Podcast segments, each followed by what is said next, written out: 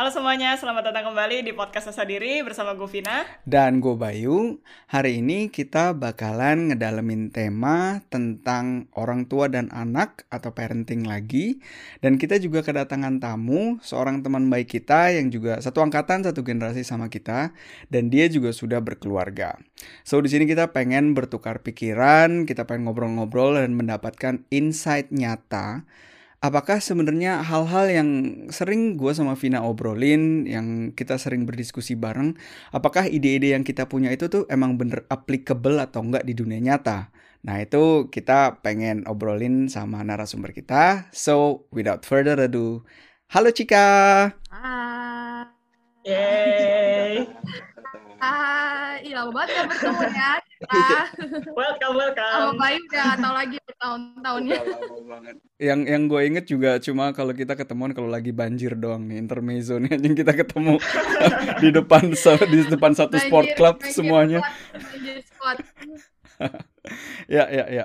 So um, kita kan sekarang pengen ngomongin tentang tema orang tua dan anak nih ya. Satu uh, pendapat yang gua sama Vina punya juga adalah bahwa um, bagaimana kita mendidik anak um, ke depannya gitu ya atau bagaimana kita sendiri lah itu pasti tuh ada banyak hal-hal yang melekat dari gimana kita dididik sama orang tua kita um, pada saat kita masih kecil. Nah, yang gue penasaran adalah apakah kalau lu sekarang ngelihat hmm, keluarga lu gitu ya apa yang lu dan pasangan lu terapin di keluarga lu gitu kalau dari lu sendiri tuh, lu ngelihat nggak apa sih pengalaman parenting dari bonyok lu gitu ya, yang melekat di diri lu yang mungkin memang secara sadar lu lakuin atau nggak lakuin atau uh, kalau mungkin kalau sekarang lu melihat lebih dalam bahkan lu secara nggak sadar itu ngelakuin atau ada ada ada perannya gitu. Uh, uh, kalau ini kan berarti kan kayak yang kayak secara nggak sadar ter apa ya pass on generation by generation gitu ya. Kalau hmm. kalau gue pribadi sih kalau dari pengalaman keluarga gue, terutama dari yang sisi gue ya, dari dari bokap nyokap gue gitu ya, yang pasti sih uh, yang uh, ini juga lately baru gue sadarin gitu ya, mungkin lebih kepada um, sometimes gaya bicara gitu loh kayak gaya bicara tuh itu biasanya secara tidak sadar itu biasanya kita akan kebawa gitu loh. Kayak gimana dulu orang tua kita ngomong sama kita, itu pasti akan sedikit banyak kita juga akan lakuin itu ke anak-anak kita gitu kan. Nah, itu kadang tuh gue baru sadarin, oh cara, dan itu bahkan gue sadarnya sebenarnya dari adik gue, karena gue kan sekarang masih tinggal sama bokap nyokap, ada adik-adik gue juga. Terus adik gue tuh bilang, um, kayak ah lu sama aja kok ngomong lu, lu sama mami gitu. Kadang gue kayak suka ah mas mami nih ngomong ah lu juga sering kok ngomong ngomong sama anak lo gitu. Atau yang kayak misalnya cara-cara ngomong yang oh ya bener juga ya. Kayak kadang-kadang gue kalau udah lagi sendiri gitu eh gue kayak ngomong sebenarnya kayak cara sedikit banyak ada yang kebawa gitu cara-cara ngomong yang nyokap gue ke gue atau bokap gue ke gue ke gue ke anak-anak gue gitu. Dan itu memang apa ya mungkin karena apalagi kalau lo di in the same household gitu pasti itu kebawa gitu lah dan uh, ya cuman kalau di luar itu sih gue berusaha punya style parenting yang berbeda gitu loh dari dari hmm.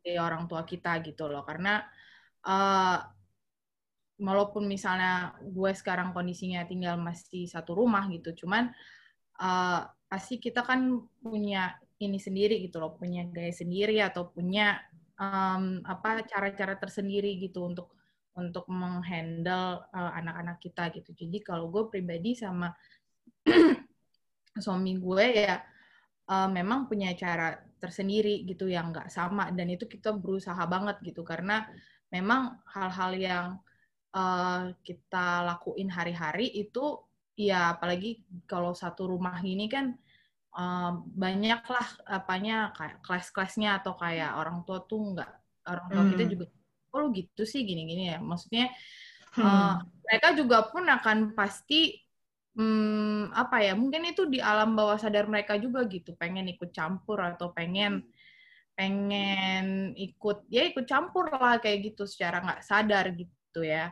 ya hmm. harus pinter-pinternya kita juga gitu. Kayak uh, memang selama lo masih ada punya orang tua juga yang apa take parts on your life terutama misalnya bantu jaga cucu atau bantu liatin mereka atau kayak gue even yang satu rumah ya harus pinter-pinternya kita gitu. Kayak eh, nggak uh, enak emang dibilang middleman gitu ya. Cuman ya pinter-pinternya kita untuk bisa ngepisahin itu gitu loh bahwa ya ini anak-anak gue harus ngikut dengan apa yang gue ajarin gitu loh. Kalaupun hmm. ada yang mereka ajarin gitu atau mereka yang ini at least uh, kalau gue sih gue nggak akan langsung ngekat gitu. Cuman biasanya um, kalaupun mereka udah berusaha misalnya mereka melakukan hal itu gitu ke, ke anak gue biasanya later on nanti gue akan berusaha nggak bukan koreksi ya tapi gue akan memberikan pengertian yang lain gitu dari segi gue gitu. Karena gue mau mereka tetap look up gue sebagai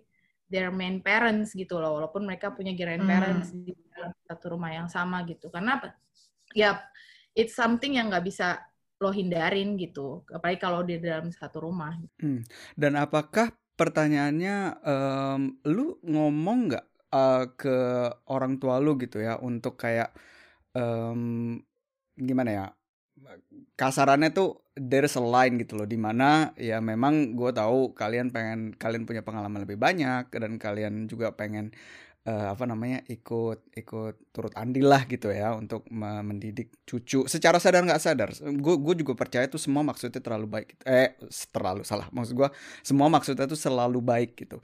Tapi um, apakah lu sounding itu juga ke mereka atau kayak berusaha untuk um, meng, kayak yang tadi lu bilang gitu berusaha untuk make sure bahwa anak lu ngelihat uh, kalian sebagai main input atau main parents ya gitu. Um, yes, ya gini lah. Maksudnya itu kalau gue pribadi karena uh, gue uh, mungkin terkait ke personality juga kali ya. Karena uh, gue memang dari dulu orangnya kalau ke orang tua uh, mostly memang iya iya aja gitu. Uh, apa hmm. cuman kayak uh, lately gitu ya, gue berusaha juga untuk membuat boundaries itu gitu loh, karena uh, gue lihat kalau uh, ini kan apalagi anak-anak kan mulai makin lama kan makin ngerti gitu ya, maksudnya mereka makin berkembang, mereka makin bisa melihat, mereka makin bisa mendengar gitu kan, jadi mau nggak mau gue nggak bisa iya iya aja gitu loh. Uh, I have to make my own hmm. boundary gitu loh. Mungkin jatuhnya jadi kayak sering berantem gitu ya. Uh, kalau orang-orang hmm. di rumah hmm. gue tuh udah paham banget kalau gue berantem sama terutama sama nyokap gue gitu ya. Udah udah tahu banget lah mereka. Cuman uh, apa ya? Uh, yaitu tadi gitu loh, mau nggak mau gitu loh. Apalagi gue uh, kan kita yang mengenal juga personality orang tua kita yang kayak gimana kan. Ada yang mungkin bisa diomongin dengan baik-baik, ada yang bahkan mesti konflik dulu gitu loh baru ternyata sama-sama hmm. sadar bahwa oke okay, ini boundariesnya gitu ya. Jadi uh, ya balik lagi gitu pinter-pinternya kita gitu loh untuk membaca situasi dan kondisi. Dan menurut gue as long as uh, apa ya gini loh uh, kalau gue percaya bahwa semua akan balik lagi ke keluarga gitu loh. Nggak akan nggak uh, akan lah maksudnya yang uh, gue masih percaya um, family is number one. So whenever that you have conflicts atau problems gitu, lo akan balik lagi ke keluarga. Jadi uh, apa ya? Menurut gue konflik itu masih manageable dalam keluarga gitu. Jadi mm. uh, even if you have to do it gitu lah untuk make uh, everybody understand the situation.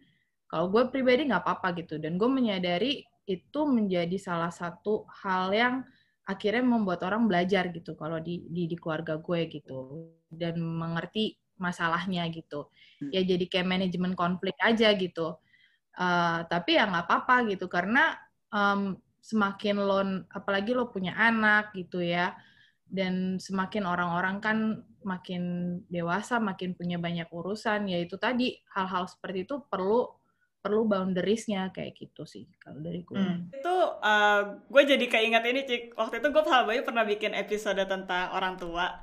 Nggak tahu Bayu lu juga inget atau enggak waktu itu lu bilang bahwa uh, gue lupa lu dapet itu dari mana. Cuma akan lebih baik kalau kita punya konflik itu atau kita berantem dengan orang tua sekarang daripada ntar at the end lu menyimpan itu semua dan lu menyesal oh gue kenapa dulu nggak ngeluarin unek-unek gue ya gitu. Jadi menurut gue juga itu fine fine aja sih. Kadang memang orang juga harus disentil dan harus dengan cara ya apa ya berantem mungkin berantem tanda kutip ya bukan berantem kayak jotos-jotosan gitu atau gimana gitu kan. Cuma memang uh, eh, gue juga setuju sih gue juga prefer ya nggak apa-apa di depannya dulu sekarang daripada ntar lu nyesel gitu lu nggak ngeluarin apa yang lu rasain. Tapi ini pertanyaan gue um, ada nggak hal di dalam didikan orang tua lu yang lu secara sadar nih karena lu merasa oh gue kayaknya dulu dididik secara ini gue merasa tidak nyaman deh atau ya pokoknya lu merasa nggak comfortable dan lu tidak mau menurus meneruskan itu ke anak-anak lu. Mungkin sharing sedikit tadi relate sama yang lu bilang soal cara ngomong. Gue dulu juga pernah punya pengalaman sama Cik. Jadi bokap gue itu kalau capek dia suka orangnya kayak um, apa sih betean gitu loh kalau capek. Jadi kayak orang ngajak ngobrol dia dia kadang suka kayak nyentil gitu loh. Nah gue pun sama. Sampai temen gue waktu itu bilang waktu gue di Austria lu kenapa sih kalau misalkan capek kerja gitu ya? Lu bete banget bawaannya gitu. Gue terus langsung kayak mikir oh ini bokap gue nih. Jadi keserap keserap nggak sadar. Jadi itu pun gue secara sadar sekarang gue tidak mau meneruskan hal itu gitu. Nah ada nggak hal dari didikan orang tua lu yang lu secara sadar tidak mau meneruskan itu lagi ke anak-anak lu? Uh, apa ya? Banyak sih sebenarnya. Banyak cuman kalau mau dilisin uh, it's gonna be very long gitu ya. Tapi gini kita kan apalagi kalau uh, jadi gue tuh mulai banyak menyadari bahwa uh, banyak yang perlu kita pilih-pilih masalah parenting itu memang pasti setelah lu udah punya anak gitu ya. Suatu lu hmm. udah ngerasain punya anak, lu become you you become parents gitu ya. Lo mulai uh, kalau gue gini, gue mulai banyak merefleksikan kembali uh, nggak cuman hidup gue gitu ya, perjalanan hidup gue gitu dan bagaimana orang tua gue mendidik gue, bahkan tuh gue menarik balik kayak gimana mereka dulu growing up-nya gitu loh. Karena kenapa? Itu kan nanti akan sangat berbeda gitu loh dengan apa yang akan dialamin anak-anak gue ke depan kayak gitu kan. Nah, sedangkan uh, dari zaman aja udah berbeda dari uh, apa namanya dulu nggak ada teknologi, sekarang semua anak-anak dan kita pun semua terkuasain teknologi dan lain sebagainya gitu ya ya kayak tadi um, apa namanya memanage household kayak gitu-gitu kan uh, sebenarnya udah udah banyak beda gitu ya. Kayak mungkin sedikit contoh gitu. Uh, kalau gue lihat orang tua gue terutama kayak nyokap gue tuh hmm, prioritas di householdnya itu masih masalah yang um, menurut gue unessential gitu. Kayak misalnya hmm, kebersihan kerapihan rumah gitu. Iya itu penting hmm. gitu tapi kalau gue di gue itu udah nggak bisa jadi um, top priority lagi gitu loh. Karena udah ada hal-hal yang jauh lebih penting gitu. Misalnya kayak um, soal anak-anak dengan berbagai macam uh, apa namanya uh, kebutuhannya gitu loh. Kebutuhan permainannya kebutuhan ini. Emang will make uh, my house messy all the time gitu loh tapi kalau kita fokusnya ke situ, akan ada hal yang lain terbengkalai kayak gitu kan. Akan ada hal yang lebih esensial untuk jadi terbengkalai. Karena kan apalagi sekarang di masa pandemi, anak-anak nggak bisa keluar, nggak bisa main keluar gitu kan, nggak bisa uh, apa namanya nikmatin hal yang yang yang seharusnya mereka nikmatin. Ya mau gimana lagi gitu kan gitu. Terus uh, ya gitulah in, mm, small things yang tapi sebenarnya uh, sudah beda gitu loh prioritas-prioritasnya hmm. gitu. And it, um, bak dan bakal clash banget gitu loh. Sampai sekarang pun gue masih clash terhadap hal-hal seperti itu gitu. Cuman balik lagi gitu.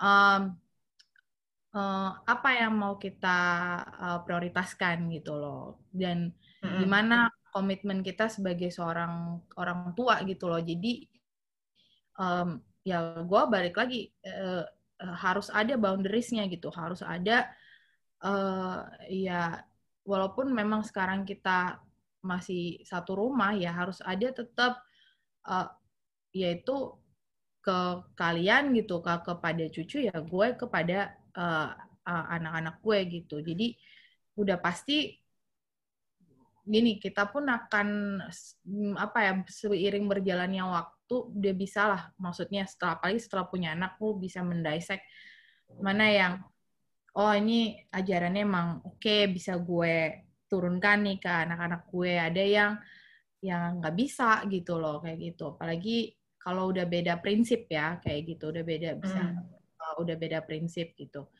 Ya susah sih memang gitu susah gitu. Dan nggak um, bisa kayak hanya berdasarkan conversation aja gitu ya. Kayak misalnya enggak lah mami nggak bisa gini-gini. Kadang nggak bisa juga gitu loh. Kadang harus ya hmm, apa ya harus berdasarkan kayak kita kita tunjukin aja gitu setiap harinya bahwa hmm. ini kita gitu loh itu hmm, uh, ya itu uh, mami papi gitu loh itu urusannya um, even misal masalah ini aja deh kayak um, ya gue tahu misalnya kayak bokap gue tuh seneng banget um, beliin kayak uh, apa ya remeh temeh lah coklat coklat kayak gitu ya apalagi apa kayak Kinder Joy Kinder Joy kayak gitu gitu. Gitu. Tapi gue kesel kalau misalnya setiap dia pulang dari mana dia selalu bawain itu gitu loh. Sedangkan anak gue itu gue ajarkan if you wanna get something you have to earn it gitu loh. Nggak something yang so easy hmm. you can get it. Like whenever you go to Indomaret or Alfamart or kalau lihat opungnya langsung dapat gitu loh. Karena ya nanti akan beda gitu loh yang mereka terima gitu kan uh, apa pembelajarannya gitu. Sedangkan gue sama laki gue ya Kinder Joy itu it's a reward gitu loh. Coklat-coklat itu it's hmm. a reward if you do something, if you can earn it, then you can have it gitu kan. Uh, paling pun kalau misalnya kita kasih, at least misalnya kalau nggak ada apa-apa ya mm, occasionally lah gitu, weekend atau emang kita lagi jalan gitu loh bukan something yang tiap hari lu bisa dapetin gitu kan. Nah itu gue kadang-kadang suka ya akhirnya gue jadi bete juga gitu kan. Gue juga jadinya uh, ya tapi ya itu tadi mesti pelan-pelan kadang-kadang. Ada orang yang kayak bokap gue harus dikasih tahu pelan-pelan. Ada yang mesti dikasih tahu berdasarkan harus ada konflik dulu ya. Lagian lagi ya mesti mesti kita coba-coba gitu. Pinter, tapi itu tadi ya Ya, pinter-pinter tadi, but hmm. you have to make the boundaries gitu loh. With the grandparents itu udah pasti gitu. Jangan jadi terlena atau jadi ngikut gitu loh. Karena ya tadi balik lagi, you have to be the main parents gitu loh. Yeah. They're not gonna be here forever gitu kan. But at least you're the parents, hmm. you're gonna be there for them gitu loh. As long as you can. Jadi harus ada yang bener-bener uh, sosok yang bisa di, di, di, di, diikutin gitu. Look up to. Yeah, yeah. Um, kalau apa namanya satu satu contoh gitu, Cik ya. Kalau misalkan tadi lu bilang emang listnya panjang, gue juga mesti share sedikit juga gitu. Dari gue juga, gue ada emang punya hal-hal juga gitu yang gue lihat gitu. Wah kayaknya gue gue kalau gue punya anak gitu, gue gue gue nggak pengen membawa teknik ya gue nggak tahu apakah itu teknik sadar atau nggak sadar tapi gue nggak pengen membawa satu hal ini cara mendidik ini ke anak gue kayak misalkan contoh aja nih ya contoh konkretnya kayak misalkan uh, dulu um, bokap gue dididik keras sama bokapnya therefore mereka sempet eh atau bokap gue sempet ngedidik anak-anaknya itu keras juga dengan anjing tangan besi kayaknya diktator banget. Bukan itu maksud gue tapi emang emang emang physical physical gitu kan. dan apa namanya itu adalah satu hal yang gue juga, juga gitu kok kalau nyokap gue tenang aja. Dan dan dan dan gue juga nggak mau itu itu satu hal konkret gitu ya di mana gue nggak mau membawa kekerasan fisikal ke bawah gue gitu kan um, sekarang ini juga bukan gue pengen nge-stempel, wah bokap gue salah nggak. At that moment dia hanya memberikan yang terbaik yang dia bisa berikan. Jadi kita nggak, kita bukan ke arah situ tapi ke arah ke depannya gitu. Uh, kita ngomongin ke depannya. Nah kalau lu ada nggak contoh konkret gitu ya? Balik lagi ke pertanyaan yang tadi Vina bilang, contoh konkretnya gitu. Ini gue nggak mau bawa. Jadi kasarannya rantai generasi ini itu pengen gue pecahin gitu. Gue nggak mau bawa ke seterusnya. Ada nggak konkretnya? Uh, ya, jadi tadi ya jadi balik lagi ke yang benar-benar konkret yang pengen sebenarnya uh, konkret yang pengen gue rubah tuh lebih kepada uh, yang gue bilang tadi kayak hmm, basic uh, apa ya basic parentingnya kali ya. Karena gini kalau yang gue lihat itu adalah uh, yang kebiasaan terjadi terutama di generasi baby boomer ya kepada kita gitu uh, yang ada yang yang yang, yang kejadian adalah um, apa ya hmm, there's no mutual respect kali ya menurut gue itu karena yang terjadi adalah oke okay, orang tua tuh udah pasti sayang sama anaknya. Orang it's it's it's always gonna be an unconditional love gitu. Tapi yang terjadi adalah um, there's no mutual respect gitu. Jadi um, yang kejadian adalah semua satu arah gitu loh antara orang tua ke anak gitu mungkin ini yang kayak gue bilang waktu live kalian itu ya ada sedikit bersinggungan dengan cultural issue gitu loh dengan hmm. gimana kita di um, Asian parenting itu udah sering lah banyak lo nonton gak kemarin tuh yang ini si bintang Emon sampai bikin parodinya gitu kan uh, gimana uh, orang tua tipikal-tipikal orang tua di Asia gitu ya. Bahwa ya itu tadi respect itu hanya satu arah gitu loh. Dan terjadi semacam kayak hierarki gitu loh. Anak itu udah pasti di bawah gitu loh. Kita orang tua di atas gitu. True in terms of age gitu loh. Maybe experience. But as a human being we're the same gitu loh. Even more kids don't ask to be born. Itu yang kadang orang tua lupa. We are the hmm. one that hmm. ask for children, gitu loh. Itu yang kadang-kadang we take for granted. Kita lupa bahwa anak itu kita yang minta loh sama Tuhan, gitu loh.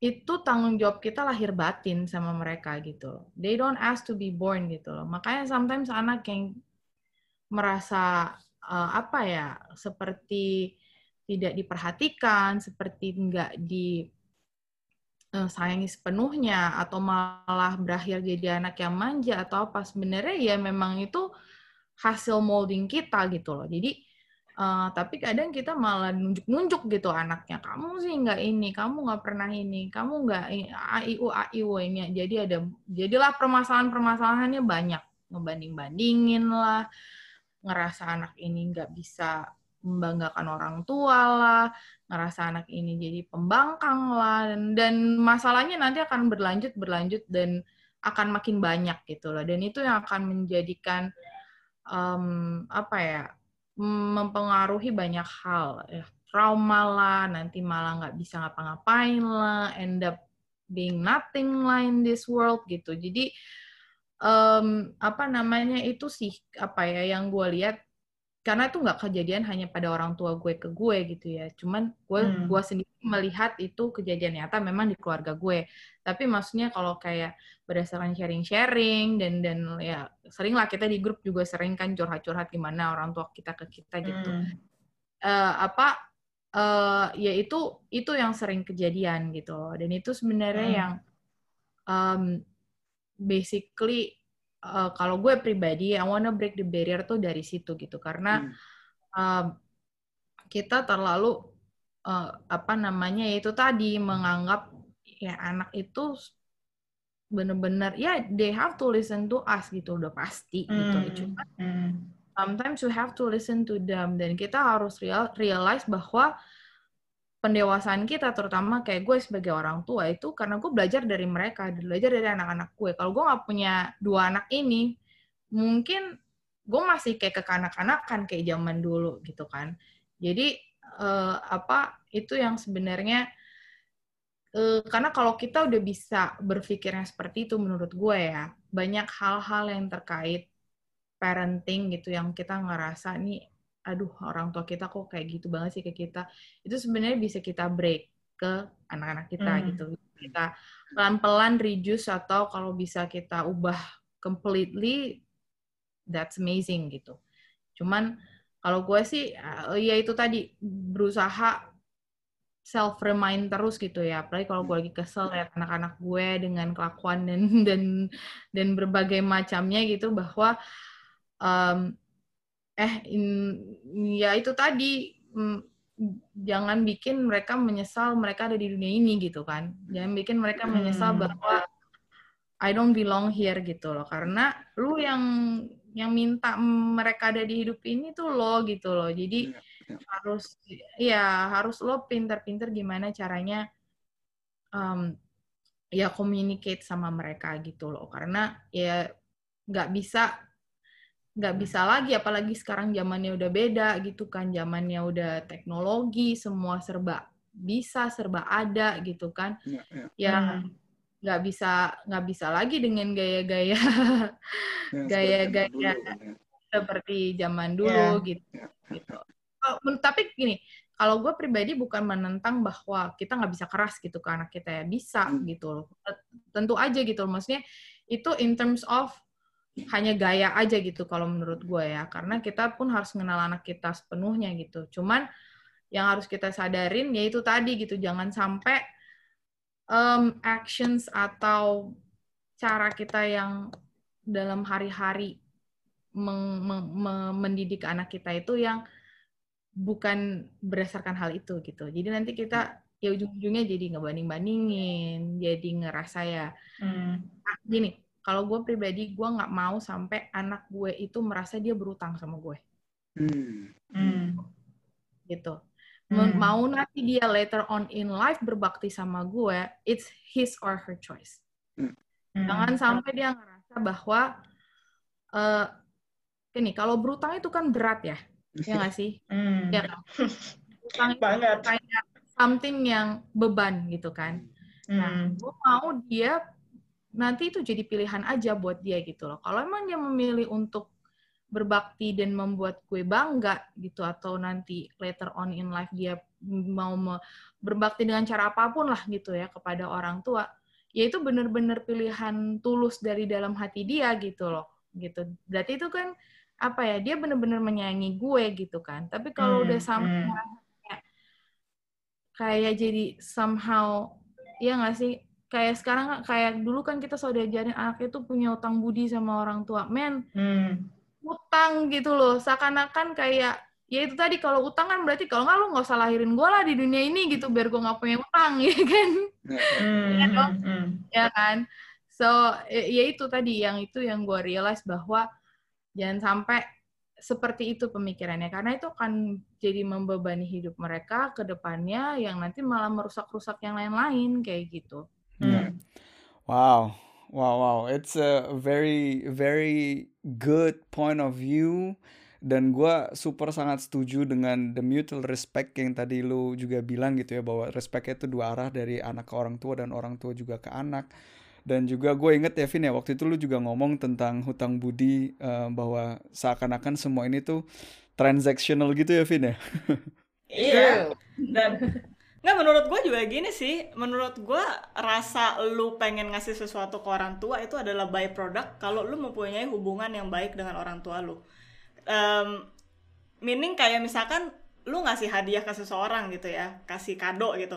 Itu kalau lu ngasihnya tulus gitu ya, itu base-nya tuh bukan karena lu perasaan gak enak, ah gue harus kasih kado nih ke orang tersebut, tapi karena lu care, lu truly love this person, jadinya lu ya udah gue gue kasih gitu. Gue percaya juga sama juga hubungan anak dan orang tua juga gitu. Kalau lu udah punya base-nya itu benar-benar kuat gitu base-nya on love bukan karena dia takut sama lu atau takut dibentak atau takut apalah bukan uh, fear base gitu ya ya pasti mereka akan berusaha membanggakan lu dengan cara apa pun itu ya. Nah nih, kita udah menggali lumayan dalam gimana uh, peran orang tua dan didikannya kepada kita dan gimana lu juga membawa itu ke didikan ke anak-anak lu ya. Nah, tapi kan keluarga itu kan uh, ada satu faktor lagi yaitu adalah uh, suami atau pasangan kita gitu kan. Di, uh, dan ini menurut gue juga satu hal yang menarik yang gue pengen tahu um, gimana proses kalian barusan lu udah nyeritain semua point of view lu gitu ya tapi gimana proses kalian kayak nyatuin dua background? Karena suami lu adalah individu yang lain yang juga punya ceritanya sendiri punya didikannya sendiri juga dengan orang tuanya dan dua individu ini ketemu. Dan gimana approach kalian gitu ya tentang mendidik anak? Apakah ada kayak hal-hal yang dijanjiin gimana sistemnya gitu ya supaya nggak nanti oh misalkan kalau sama papi lebih misalnya lebih lebih lebih galak bukan lebih galak tapi kayak lebih sulit untuk mendapatkan reward tapi mendingan gue ke mami aja deh misalnya kayak gitu atau kayak lebih go with the flow oh uh, ya ini ini juga ya satu challenge tersendiri juga gitu ya dan ini pun uh, everything by process kalau menurut gue sih hmm. gitu apalagi untuk menyamakan hmm, apa mindset ataupun pola pola didik pola asuh gitu ya uh, even apa ya kesepahaman mengenai um, apa namanya membangun keluarga aja itu kan apa namanya nggak gampang gitu ya jadi uh, apa namanya ya kalau gue sih hmm, bukan go with the flow ya, tapi benar-benar trust the process aja gitu loh. Karena uh, apa namanya ya lu kan udah komit gitu ya di awal gitu, komitmen bersuami uh, apa komitmen dalam menikah, punya pasangan gitu kan, membangun keluarga gitu. So nggak mungkin lo nggak melewati proses ini gitu kan. Jadi um, apa namanya kita pun berdua tuh ya banyak belajar juga gitu loh dengan kejadian yang terjadi sehari-hari gitu loh dan kita kan maksudnya lihat sendiri gitu dengan gimana kayak um, orang tua kita ngedidik kita gue pun dia pun juga selalu share sih dengan apa yang maksudnya gimana dulu mertua gue mendidik dia gitu loh uh, what's good what's notnya tuh ya itu tadi harus lo share gitu loh what's good and what's hmm. not. Kalaupun bisa witness sendiri, it's good, it's a good thing gitu karena itu jadi bahan pasti bisa jadi bahan diskusi lo dengan dengan dengan pasangan lo bahwa oh yang ini tuh nggak benar, oh yang ini tuh yang mesti kita iniin gitu ya. Dan uh, bahkan even nggak usah pun yang misalnya hmm, terjadi di di di keluarga sebelumnya gitu ya. Tapi dengan yang kayak sekarang ini pun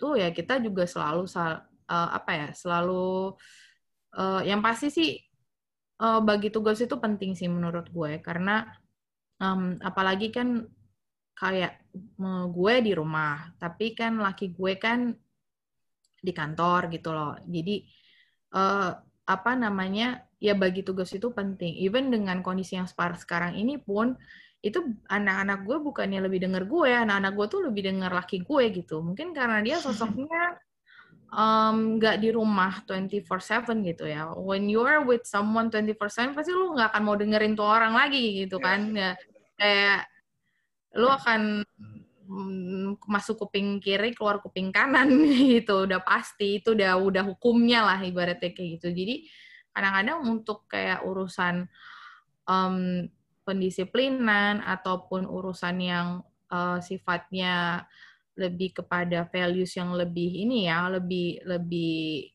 tinggi gitu ya ibaratnya yaitu gue pasti serahin ke uh, laki gue gitu loh atau anak-anak gue lebih denger dia ya kenapa enggak gitu hmm. kan hmm. gitu jadi uh, apa namanya even nggak salah jauh-jauh urusan makan gitu ya anak-anak gue tuh kalau mau gue makan tuh udah susah, lama, nggak mau duduk gitu. Tapi kalau ada laki gue, kan bisa api duduk 15 menit kelar gitu kan. Jadi uh, ya ya dan itu nggak masalah gitu loh ya.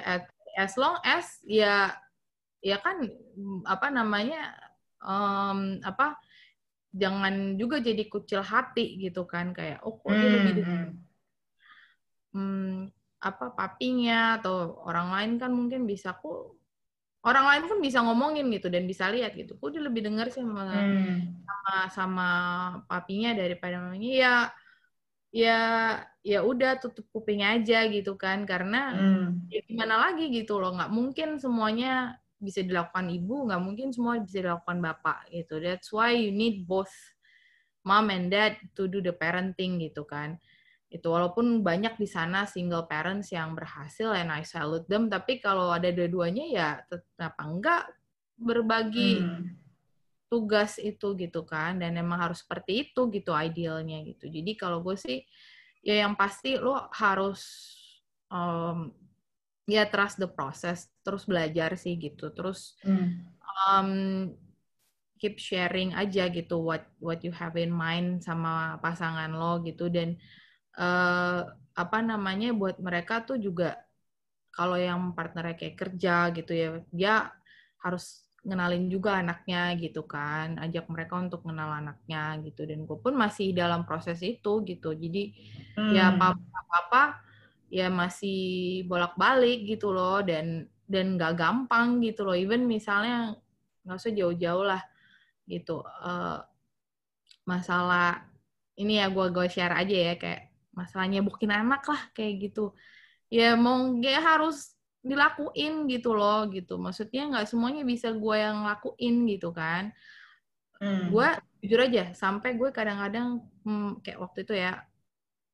Dan untungnya suami gue itu uh, jadi mertua perempuan gue itu udah meninggal waktu dia umur masih SD gitu ya. Jadi dia mungkin ngerti sedikit ngerti bahwa memang berat kalau dilakukan oleh seorang single parent sendiri gitu ya. Dan makanya gue kadang suka sentil dia kalau misalnya ini ya kalau gue nggak ada gimana gitu kan. Lu bisa hmm. lu mau nggak mau harus kerja kerjain juga kan. Jadi lu harus bisa kan kayak gitu. Ya masalah ini kan anak-anak lo juga kayak gitu kan. Karena kalau misalnya gue nggak tahu hari besok gue tiba-tiba nggak ada di dunia ini terus lu gimana? Ya kan gitu. Jadi hmm. uh, apa namanya eh, eh, yang agak kasar sih ngomongnya. Cuman maksudnya ya itu membuat mau nggak mau bahwa ya ya ini consequences of being parents ya lu harus ngerjain semuanya gitu kan hmm. gitu That's why ya untungnya sekarang gue ya masih survive aja nggak pakai mbak nggak pakai suster gitu karena uh, apa ya untungnya kita udah bisa sama-sama sadar bahwa ya urusan anak ini urusan berdua bukan urusan lo aja bukan urusan gue aja gitu. Mm -hmm. Ya, itu itu gua eh ya kenapa baik duluan. banyak banyak banyak ininya soalnya banyak input ya gue jadi gatel. ah, gue juga gatel. Uh, gue gue cuma pengen nambahin bukan pengen nambahin, gue pengen ngasih ngasih pendapat gue juga tentang suster tadi pas bagian terakhir gitu ya, di mana dulu gue punya punya pendapat tuh bahwa orang tuh bahkan sering sering ngedumel bahwa mereka nggak punya kemampuan finansial yang cukup untuk uh, ini suster buat apa namanya buat buat meng-hire suster atau apa gitu ya. Sedangkan di mana gua dan pendapat gua dan apa yang gua alamin di sini di Jerman gitu ya.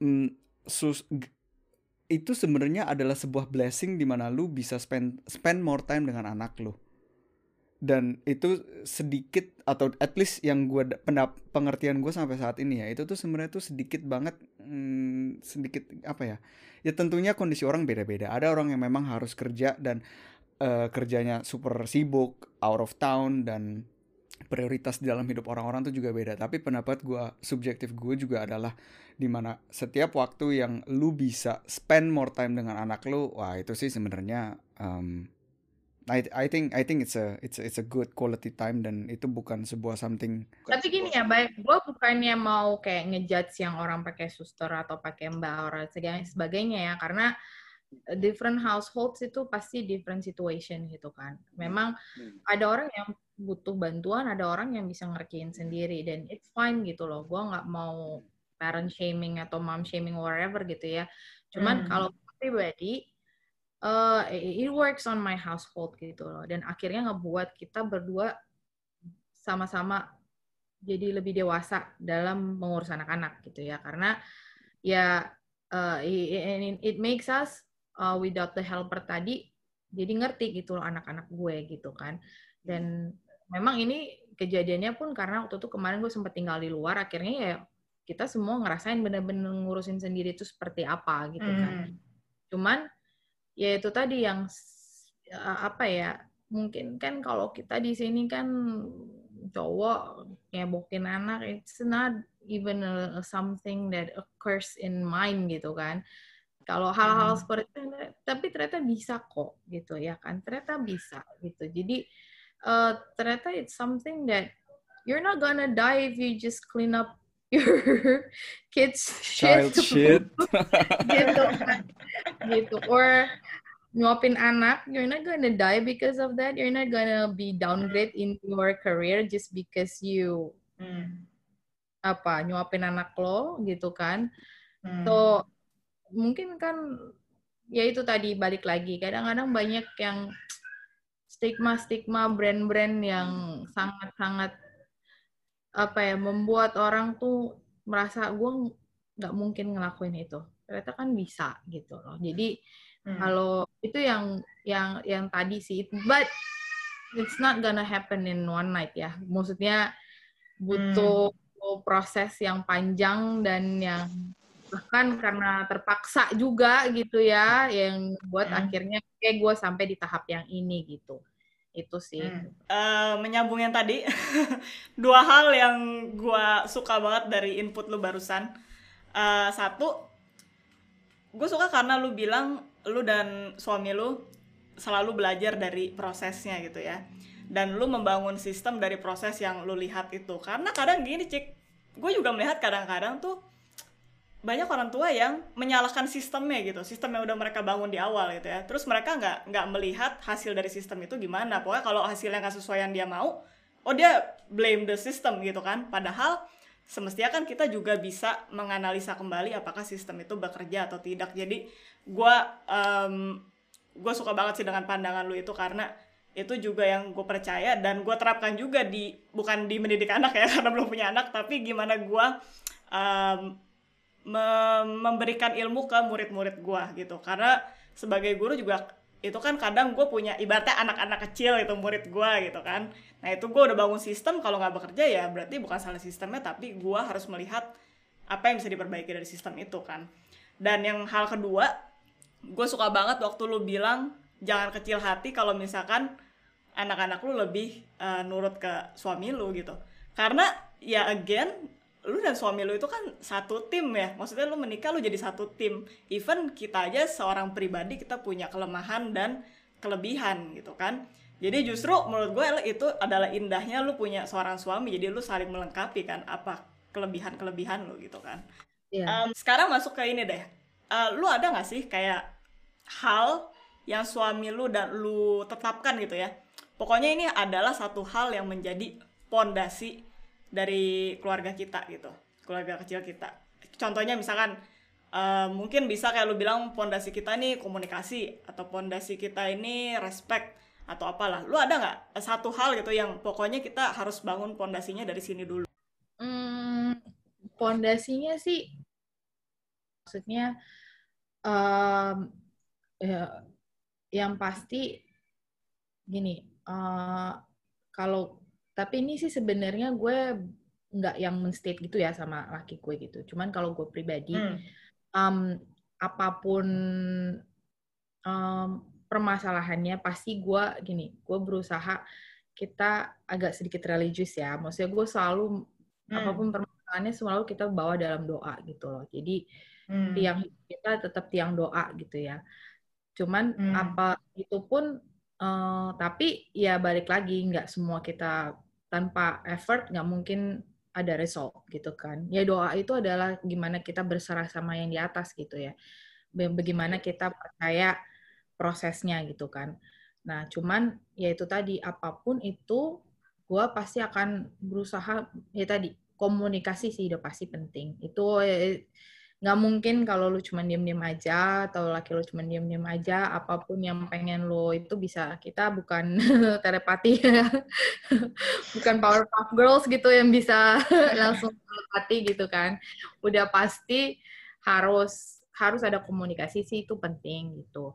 Cuman yang kalau gue pelajarin gitu over the years memang salah satu hal yang uh, tapi ini balik lagi jadinya kayak ke marriage ya gitu. Karena bukan hmm. ya cuman ke parentingnya gitu. Tapi uh, apa namanya kalau orang bilang kompromi kita harus saling kompromi saling kompromi.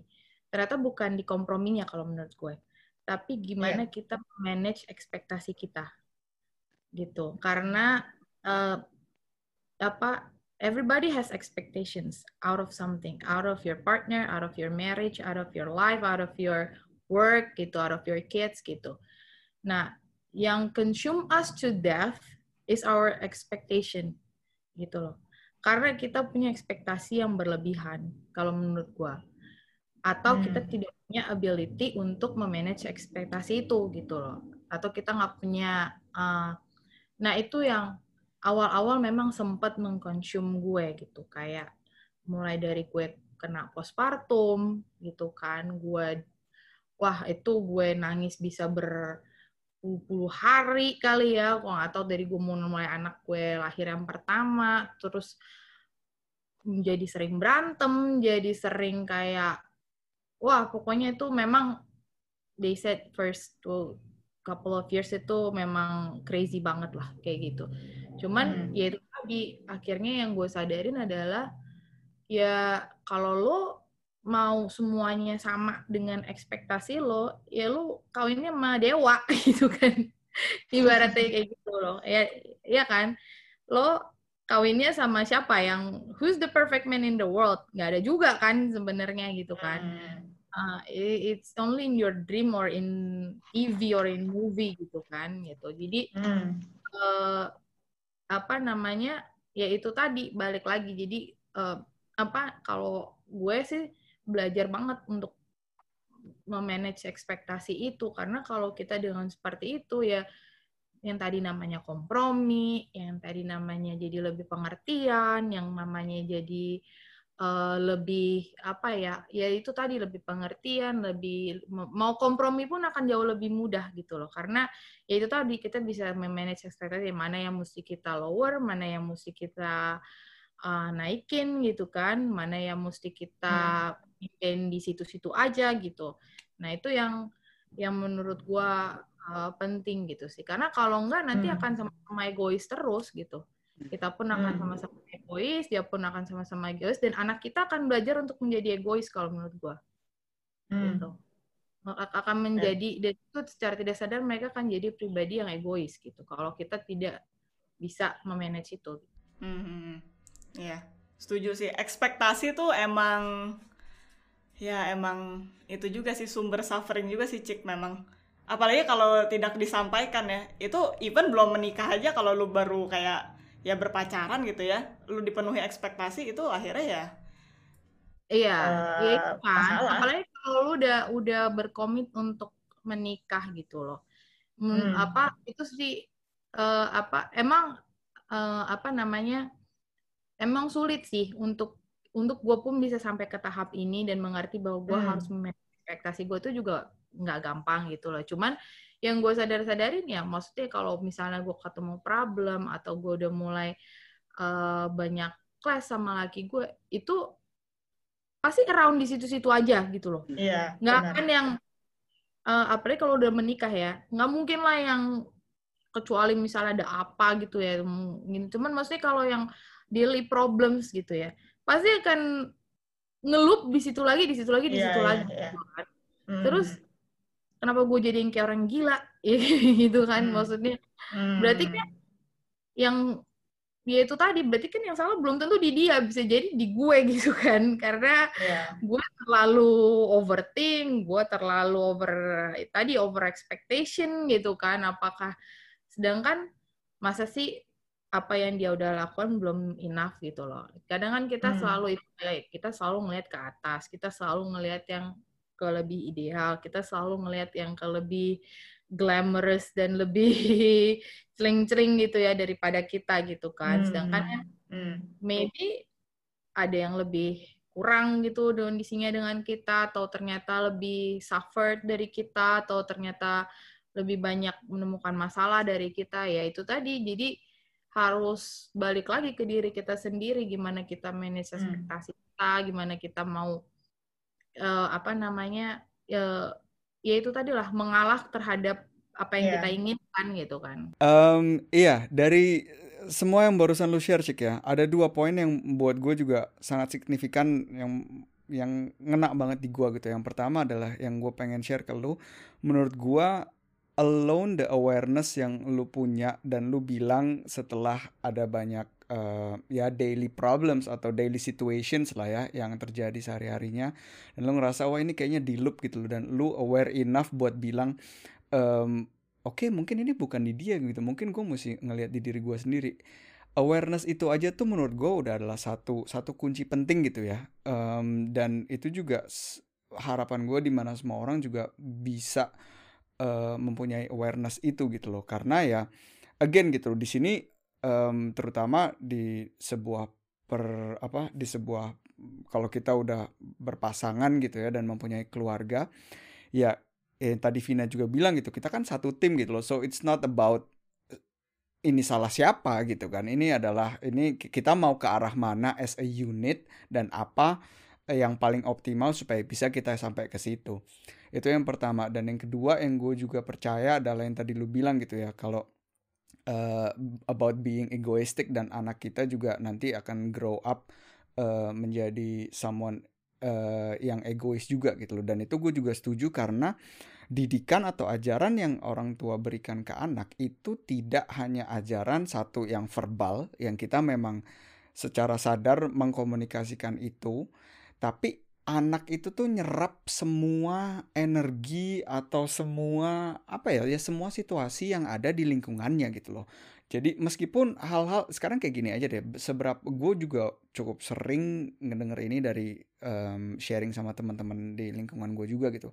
Di mana um, ada satu teman gue di mana duduk makan malam bersama itu adalah satu hal yang holy banget di keluarganya. Jadi malam jam 7 malam harus duduk di situ Nah, di mana dia pada saat dia masih kecil, dia ngerasa itu tuh eh, dia tahu aja gitu loh kalau mungkin kita memang physically berada di meja ini bersama gitu loh but sebenarnya bonyok gue lagi berantem nih gitu loh dan nobody say nobody saying anything dan dia tapi tetap ngerasain itu dan uh, sadly itu emang bener gitu loh setelah dia sekarang udah dewasa dan sayangnya juga orang tua mereka bercerai gitu ya.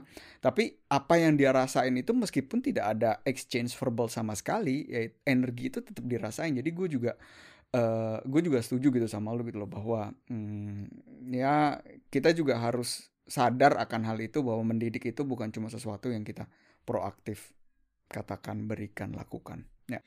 Ternyata sebenarnya uh, setelah kita mendengar segala cerita lu ya Cik ya.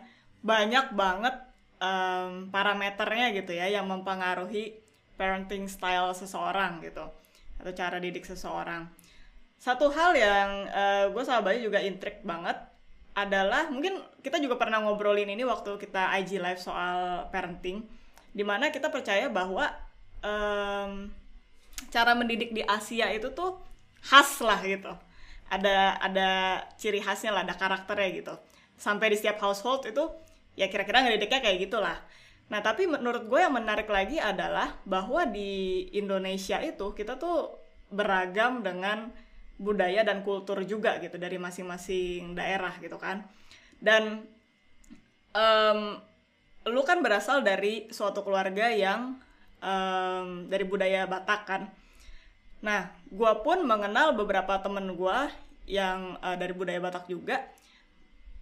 Mereka tuh kurang lebih punya punya pengalaman parenting orang tua mereka yang kurang lebih sama gitu.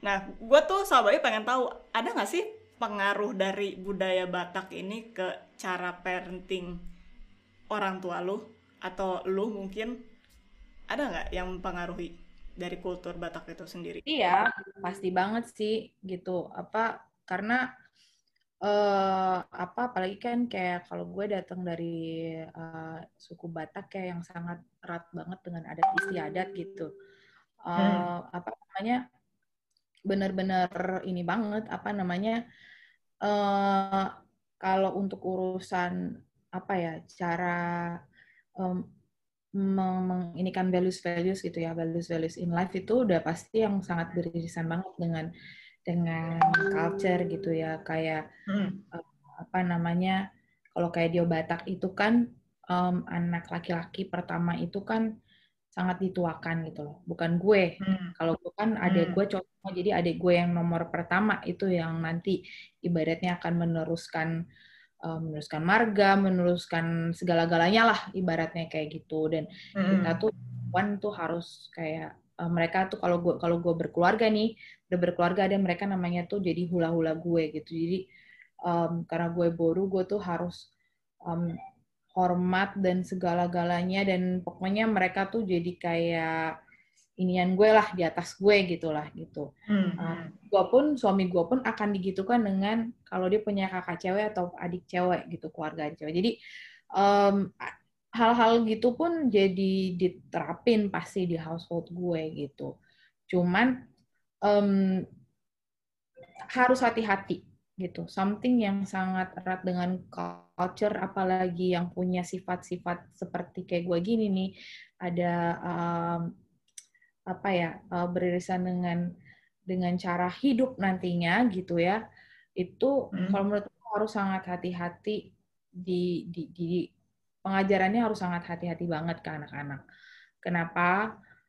Uh, ini pun kejadian di gue dan beberapa keluarga dan banyak juga keluarga-keluarga lain karena yang ada akan membuat um, hubungan keluarga itu jadi nggak jelas gitu loh. Jadi kayak um, yang yang uh, apa akan menjadi peer pressure sendiri kalau ada punya anak cowok pertama tuh sangat jadi peer pressure di hidupnya.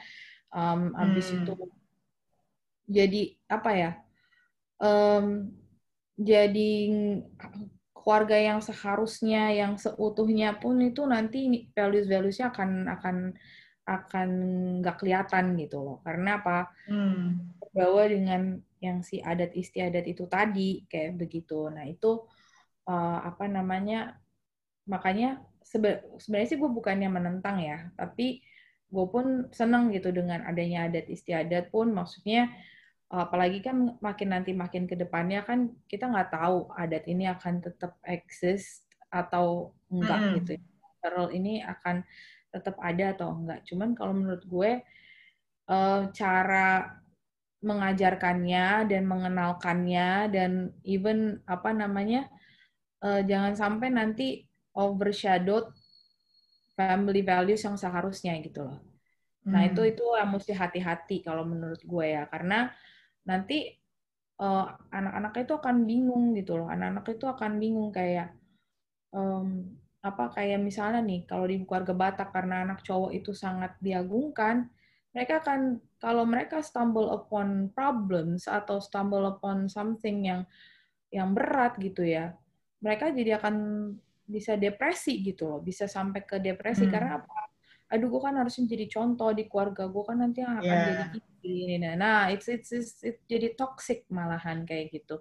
Jadi um, menurut gue itu yang yang harus hati-hati sih ke depannya. Gue pun tetap akan mengenalkan dengan uh, adat-adat itu gitu ya. Tapi ya itu harus harus ada pengajaran yang jangan sampai itu tadi overshadowed yang uh, family values yang yang yang seharusnya gitu loh jangan sampai nanti um, yang perempuan merasa terkucilkan atau yeah. yang laki-laki merasa overpowered gitu kan hmm. uh, padahal semua punya punya hak dan kewajiban yang sama gitu loh. Karena kalau kayak gitu pun misalnya udah diajarin dari yang kecil, dari dari kecil itu bahaya nanti yang cowok tuh ngerasa ah, ini kan kerjaan cewek gitu loh. Gue kan hmm. Ini gitu kan. Atau yang cewek kok dia gitu sih, kok dia nggak mau gini-gini. Nah, uh, apa ya itu boleh tapi menurut gue harus dengan cara yang lebih halus dan itu nggak boleh itu tadi overshadowed yang seharusnya gitu loh nilai-nilai yang seharusnya kayak gitu. Dan kebetulan uh, anak lo yang pertama cowok ya, Cik? Ya kan? Iya, gue juga udah punya anak sepasang kan cowok dan cewek hmm. gitu. Ya, gue sih maksudnya nggak mau mm, meng mengajarkan itu sekarang ya, maksudnya hmm. itu tadi itu uh, it, it, it, apa hal-hal seperti itu it works when it comes to when you have like things in adat gitu kan. Hmm. Tapi kan sebenarnya yeah. untuk di live nggak ada lo nggak nggak nggak akan nggak akan berpaku pada itu gitu kan gitu. Jadi yeah, yeah. ya uh, ya gue sih masih nanti nantilah mengenalkan itu gitu ya. Cuman uh, in some ways pasti gue akan mengenalkan gitu. Sadly gue juga punya contoh nyata yang orangnya juga deket sama gue gitu di mana dia punya dia anak dia um, bukan adat Batak dia adat Bali di mana si cowok tapi juga tetap di anak cowok itu tuh tetap di di di nomor satu kan gitu loh dan itu beban yang dia rasain oh my god itu bener-bener um, stressful. bener-bener stressful dan bener-bener dan dia juga mempertanyakan gitu ken kenapa kenapa jadi gue yang bertanggung jawab akan semua ini? Gitu loh. Dan itu yang membuat gue juga mempertanyakan sebenarnya tuh kalau memang keluarga yang kental dengan adat gitu ya um, ada nggak sih sebenarnya konsekuensinya kalau misalkan gitu ya um, adat itu tuh tidak dilanjutkan bukan tidak dilanjutkan sih. Maksud gue adat kan gitu, dijalankan. gitu, kayak uh, uh, uh, nggak dijalankan gitu sebenarnya tuh ada konsekuensinya nggak sih? Apakah lu jadi dikucilkan atau lu jadi uh, dikeluarin dari gua nggak tahu kalau adat Bali itu apa adat gua sayangnya kurang terpelajar di dalam soal adat-adat daerah. Tapi um, maksud gua ada konsekuensinya nggak sih sebenarnya?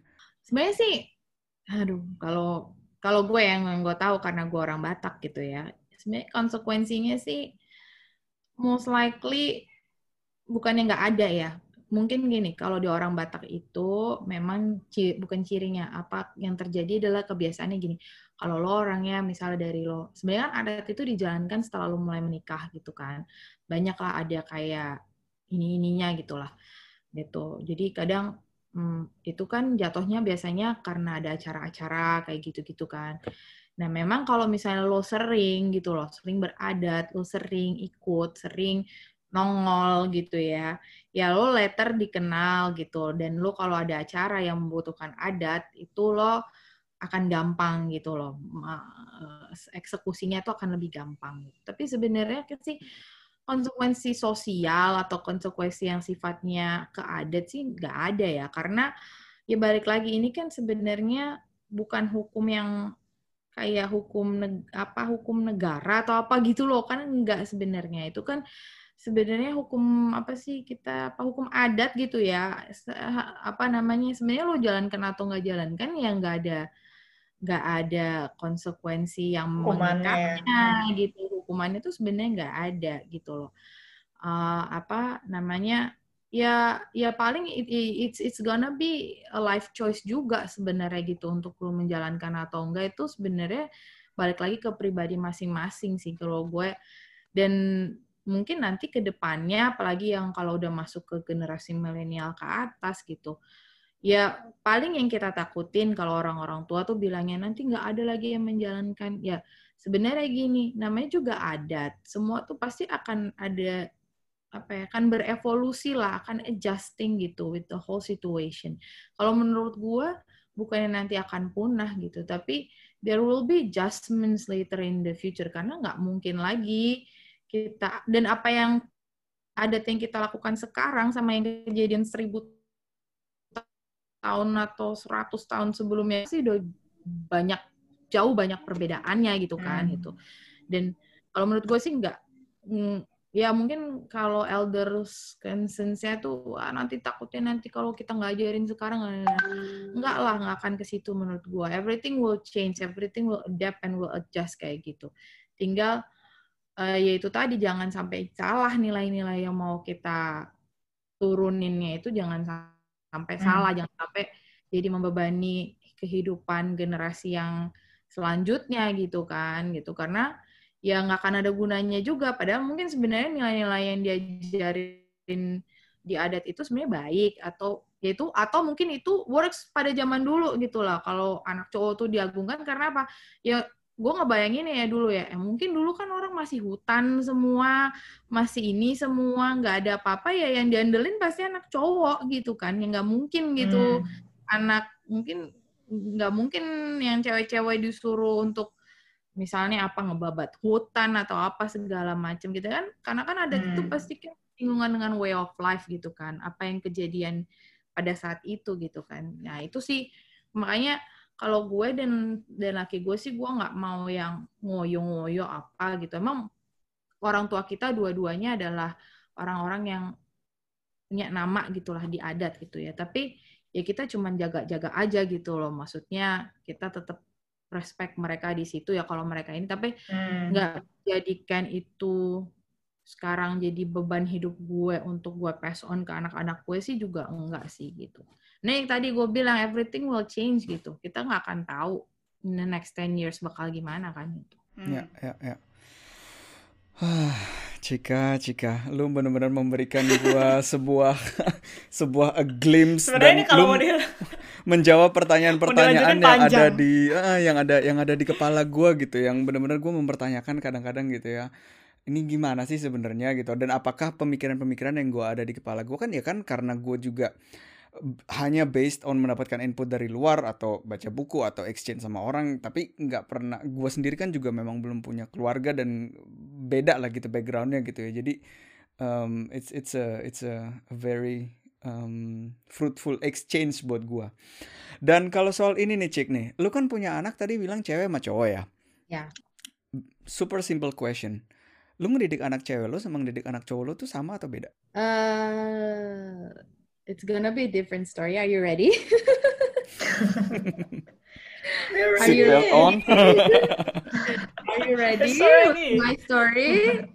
Um, because it's gonna be very interesting ya. Kari, um, jadi uh, kalau gue akan berbeda, tapi dalam segi gini. Jadi uh, sedikit background story. So I have two kids um, my oldest son, I'm Toby, itu sekarang 4 tahun 9 bulan, ya, mau 5 tahun nanti Januari. Yang kedua Eleanor itu sekarang baru 3 tahun. Kemarin baru ulang tahun 3 tahun. Nah, the thing is with my kids, I am very blessed. I, I will say I'm very blessed. Uh, God gave me a, a special kid. Jadi anak gue yang pertama itu is very special kid dan punya banyak kelebihan tapi ada kekurangannya juga. Um, so he's a special need kid gitu ya. Jadi dia itu um, apa namanya uh, berkebutuhan khusus. Jadi dia itu punya uh, gue bilang kelebihannya. Kelebihannya hmm. dia adalah uh, dia itu ASD. Jadi dia itu um, he has a autism spectrum disorder. Kalau orang-orang bilang autistik gitu ya. Jadi um, punya um, disordernya ini memang mempengaruhi tumbuh kembangnya dia gitu ya. Uh, terutama di masalah komunikasi, sosial sama uh, apa namanya um, behaviornya dia gitulah gitu dan itu memang mempengaruhi tumbuh kembangnya dia. But um, apa namanya so pasti dengan kondisi seperti ini akan ada treatment yang berbeda di kedua anak gue gitu. Even though uh, mau cowok mau cewek gitu ya gitu. Cuman um, karena gue nggak bukan punya kondisi yang sama gitu ya bukan misalnya sama-sama tipikal kalau gitu yang kalau yang maksud itu atypical gitu ya. Tapi karena gue punya satu anak yang tipikal, satu punya anak yang atypical, jadi gue memang sekarang lebih parenting gue lebih kepada bagaimana gue mendidik si yang tipikal dan bagaimana gue membantu mensupport yang atypical gitu, bukan berdasarkan hmm. um, apa bukan berdasarkan cowok cewek gitu ya, bukan berdasarkan gender gitu, karena uh, it's gonna be different when they have to uh, apa to thrive in life gitulah kayak gitu. Karena yang satu memang butuh support gitu yang satu uh, apa supportnya beda lah. Dua-duanya sebenarnya butuh support sih. Yang gue sadarin sekarang ini ya memang dua-duanya butuh support tapi supportnya memang berbeda gitu. Kalau anak gue yang pertama memang uh, ada support-support yang si ibaratnya klinis gitu ya yang harus memang kita ada. Dan sifatnya memang treatmentnya sudah ada gitu loh ada textbook lah ibaratnya kayak gitu. Nah sedangkan sebenarnya yang tipikal ini juga butuh support gitu. Cuman memang nggak textbook gitu. Ada hal-hal yang ternyata sudah mulai dia berkembang nih udah bisa ngomong udah bisa hmm. udah bisa ngerti udah bisa apa malah menurut gue itu dia jauh lebih dewasa daripada umurnya. Ternyata ada hal-hal yang mm, butuh support juga nih. Karena apa? Banyak butuh kita butuh kasih dia pengertian-pengertian gitu. Biar dia nggak salah ngerti biar dia nggak salah hmm. nah biar dia nggak salah main asal serap aja gitu semuanya. Karena she's a very bright kid dan jangan salah jadi over sponge pun ternyata bisa bahaya gitu kan kayak gitu. Jadi apa? Yaitu tadi yang gue bilang supportnya beda gitu ke dia bahwa gue harus banyak push and pull nih sama dia gitu. Karena ternyata kebanyakan mengerti pun juga ke kepintaran pun salah gitu ya gitu. Hmm. bukan salah sih bahaya lebih kepada bahaya gitu.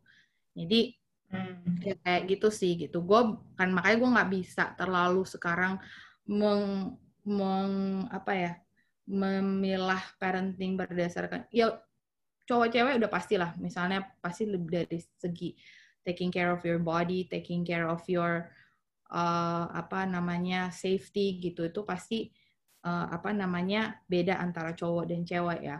Cuman kalau secara mentally gue belum bisa meng memberikan apa ya gambaran gimana gue mendidik cowok dan cewek. Karena yang cowok ini gue juga supportnya berbeda gitu ya. Tapi uh, mm -hmm. ya itu sih.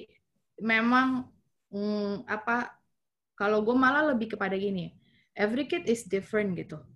Jadi apa namanya uh, kalau berdas mengidentify itu berdasarkan gender aja kayaknya bukan bukan unfair ya. Tapi lebih kepada memang nggak bisa kita bedakan berdasarkan cowok atau cewek doang gitu loh. Tapi yeah.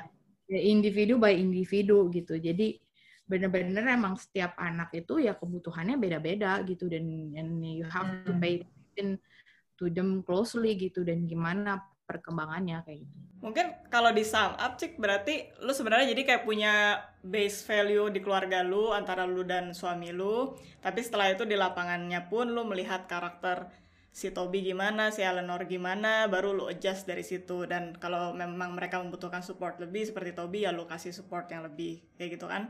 Dan sebenarnya gue setuju juga sama uh, dan gue sangat senang lo punya pandangan ini karena ini juga sama yang gue terapkan dalam mengajar gitu ya. Karena kita tuh harus melihat setiap anak ya berdasarkan karakternya mereka gitu. Karena cowok semua cowok dan semua cewek juga belum tentu punya karakter yang sama gitu jadi emang kita harus lebih kritis dan kita care kita mau lihat apa nih yang yang mereka tunjukkan ke kita gitu jadi uh, eh, gue salut sih lu punya perspektif seperti itu dan lu bagikan ke teman-teman sekarang ya ya begitu um, sih memang harus harus hmm. lihat harus lihat memang nggak bisa disamaratakan gitu loh. Jadi hmm. yang gue sadarin pun setelah punya anak ini ya um, apa mereka tuh bener-bener individu yang walaupun misalnya anakku yang pertama punya kebutuhan khusus ya, tapi gue karakternya tuh nggak bisa dibohongin gitu. Personality hmm. itu udah ada even when you were born gitu. Dan itu itu uh, makin lama akan makin kelihatan gitu loh, akan makin uh, terdevelop gitu seiring waktu gitu. Dan itu yang kita harus benar-benar uh, apa namanya ngerti gitu dan harus benar-benar ya pay, pay attention closely gitu jadi nggak bisa semua um, apa ya namanya disamaratakan gitu. Hmm. hmm, hmm. Oke, okay, Cik, um, kayaknya kita udah dapat banyak sekali input yang benar-benar buat kita juga mungkin bisa jadi bekal buat gue sama Bayu kalau misalkan nanti kita punya anak gitu ayo, ayo knowledge knowledge emang emang semuanya juga pasti gue yakin itu proses belajar juga lah sebagai lagi pula um, kita ya ya kayak lo bilang selalu berubah kan words changing all the time gitu kan dan kita pun juga harus ya harus proaktif belajar lah dari dari sekitar dari buku-buku parenting or dari cerita-cerita kayak teman-teman yang udah punya keluarga atau punya anak-anak.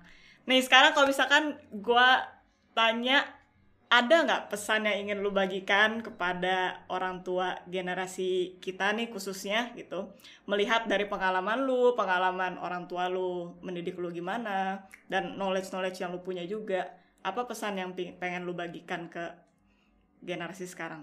Hmm, ini buat ke ini ya sesama kita orang tua gitu ya sama parents gitu ya hmm, yes. apa pesannya ya mungkin hmm, apa namanya uh, itu sih apa kalau kita udah jadi parents itu uh, ya itu yang gue selalu untuk remind gue adalah self uh, untuk selalu mengingat bahwa uh, anak itu ya memang tanggung jawab kita lahir dan batin gitu. Jadi um, and they will have a voice gitu loh. Jadi benar-benar hmm. pakai uh, mengingat bahwa uh, have that mutual respect itu penting gitu dan um, apa namanya try to uh, listen to them more gitu kan. Dan kita orang tua tuh lupa untuk mendengarkan anak kita gitu. Kita lebih hmm. mendengar pendapat diri kita pribadi gitu. Jadi um, apa namanya try to just listen gitu.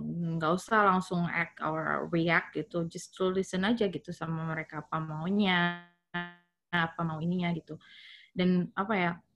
Uh, itu tadi apa sih? Uh, ya sering-sering self remind lah kayak gitu ke um, hmm. bagaimana kita mau mau mendidik anak kita ke depannya gitu dan um, apa uh, eh, gue selalu sekarang sih gue lagi in the process uh, to find find the balance gitu karena uh, at the end of the day it will, it will keep everybody float gitu. Kalau kalau kalau hmm. ibaratnya kita gue selalu berusaha meng, mem, mem, apa ya mengumpamakan tuh kita tuh kayak lagi di perahu gitu lah ya gitu. Dan you have to find the balance gitu kan untuk untuk make everything afloat gitu dan kita bisa sampai ke tujuan kita gitu loh. Nah kalau lu nggak bisa nggak nggak ngerti cara misalnya sailboat gitu nggak tahu when you have to push when you have to pull the sail when you have to put one person in this area one person in this area itu pasti kan nanti kita bakal sink gitu kan kayak gitu. Jadi hmm. yang gue apa namanya uh, apa gue dan suami gue tuh berusaha banget to find the balance gitu. Even if when you ha you have to take your own time gitu loh. Maksudnya benar-benar hanya untuk take your time untuk misalnya tidur gitu loh untuk apa yang yang yang tanpa diganggu gitu pun uh, it's fine for me gitu loh jadi ya karena nggak mungkin kita bisa semua mengerahkan pikiran dan tenaga kita 24/7 untuk anak kita gitu kan. We have to find our own peaceful mind juga gitu. Jadi ya dan itulah manage ekspektasi gitu take one one step at a time gitulah jangan terlalu rush on things gitu apa uh, lebih lihat ke dalam sih, lebih lihat ke keluarga sendiri karena yang terbiasa dan yang biasanya orang tua kita ngiming-ngimingi kita kan selalu melihat keluar, ya kan? Hmm. Sini begini, sini begitu, semua begini, sini begini. Sedangkan ternyata di dalamnya masih banyak yang perlu dibenahin kayak gitu. Jadi hmm. uh, ya, I think this is the right time sih selama pandemi ini harusnya untuk benar-benar membenahi apa yang ada di di dalam di keluarga kita sendiri sih. Wow. So, with that being said, Cika, gua kenapa uh, uh, nggak maksud gua again gitu loh gua gua gua cuma bisa repeat apa yang barusan gua juga udah bilang gitu ya apa yang barusan gua udah share for me and I believe for Vina juga dan buat teman-teman yang ngedengerin ini juga I believe that it's it's going to be a fruitful um, or it is a fruitful conversations. Gue belajar banyak banget dan gue sama Vina belajar banyak banget. Kayak yang tadi Vina udah bilang, kita dapat insights insights gimana sih sebenarnya untuk apa dalam berkeluarga tuh um, challenges challengesnya di mana. Dan kalau punya anak itu kayak gimana rasanya dan dengan semua ups and downsnya gitu. Jadi kita dari asa diri gue sama Vina cuma bisa bilang thank you banget buat semua yang lu udah share sama kita. Dan Halo. thank ya. you, thank you. Diundang begini our pleasure. Dan juga buat teman-teman yang ngedengerin ini hmm, kita berharap teman-teman bisa mendapatkan value lebih dari episode hari ini. Dan buat teman-teman yang pengen support kita bisa follow kita di Instagram @asahdiri.ind bisa juga follow podcast kita di YouTube dan di Spotify, Podcast Asa Diri, dan juga memberikan review di Apple Podcast. Ya, ingat juga untuk share video ini ke teman-teman kalian, dan kita ketemu lagi di episode selanjutnya. Thank, Thank you, Cika. Cika.